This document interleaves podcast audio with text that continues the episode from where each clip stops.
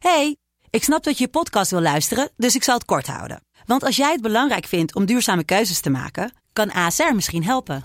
Nou hoor ik je denken, hoe dan? Nou, bijvoorbeeld bij het duurzaam herstellen van schade. Of de premies die we beleggen volgens ons duurzaam beleggingsbeleid. Dat bepaalt waar we wel en juist niet in investeren. Wil je meer weten over welke duurzame keuzes ASR maakt? Ga dan naar asr.nl slash duurzame keuzes. ASR doet het. Zo, dan kan je nu lekker naar je podcast luisteren. Hey, ik snap dat je je podcast wil luisteren, dus ik zal het kort houden. Want als jij het belangrijk vindt om duurzame keuzes te maken, kan ASR misschien helpen. Nou hoor ik je denken, hoe dan? Nou, bijvoorbeeld bij het duurzaam herstellen van schade. Of de premies die we beleggen volgens ons duurzaam beleggingsbeleid. Dat bepaalt waar we wel en juist niet in investeren.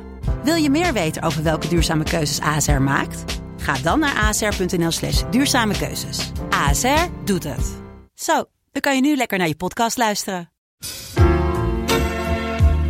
Mand. Dit is Mand, de kortste podcast van Nederland. René, er was weer een uh, lezersvraag. Of een, uh, er was weer een luisteraarsvraag. Ja. Hoe van... schrijf ik een goede motivatiebrief? Van wie kwam die? Jaldert. weer Jaldert. Ja. Hey Jaldertje! Hey, hey grote bloemkolen!